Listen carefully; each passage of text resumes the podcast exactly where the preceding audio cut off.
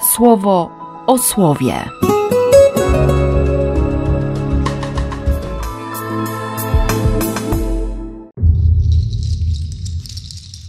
Drugi lipca, sobota.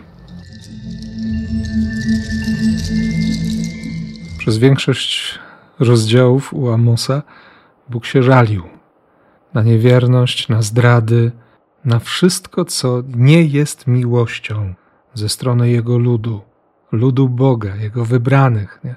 umiłowanej córy Syjonu. Gniew kipiał tak mocno, że, że wydawało się, że nie ma opcji powstrzymania.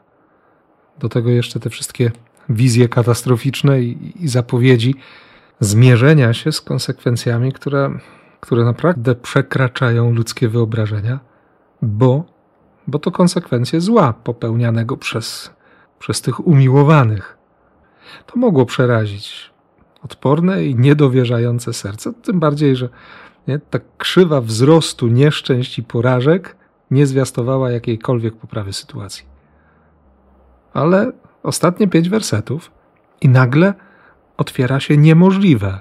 Amos musiał być zdziwiony, kiedy, kiedy słyszy Boga zapowiadającego interwencję konkretną, a jednocześnie troskliwą, czułą, pełną błogosławieństwa dla tych, którzy, którzy są synami wyrodnymi.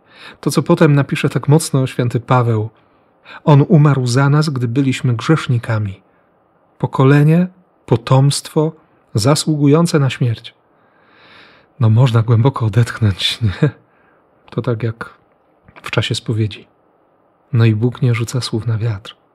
On ma miłosierdzie, niczym przeze mnie niezasłużone. I dlatego on też z łagodnością odpowie dzisiaj uczniom Jana, że, że mają zmienić ciężar słów w tym pytaniu, które zadają. Dlaczego twoi uczniowie nie zachowują tradycyjnych postów, których my i faryzeusze tak pilnie przestrzegamy? Tak, od uczniów, rabinów wymagało się więcej. A Jezus mówi: Drużbowie oblubieńca zdążający wraz z nim na wesele powinni być pogrążeni w rozpaczy? To nonsens.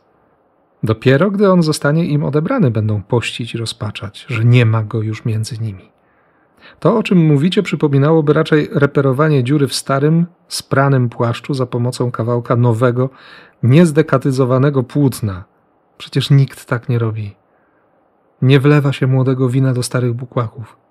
Pomyślcie o tym, ale też pomyślcie o innej rzeczy. Nie zadawajcie pytania, dlaczego oni, tylko konkretnie odpowiedzcie sobie na pytanie, dlaczego wy, dlaczego wy coś robicie, dlaczego ja.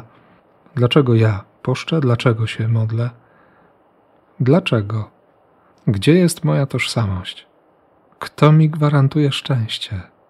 Gdzie jest źródło tej łaski, o której Ezechiel usłyszy w 34 rozdziale?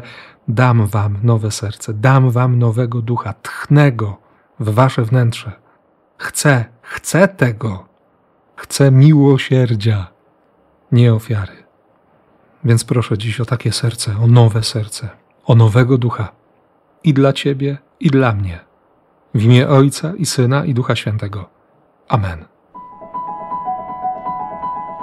Słowo o słowie.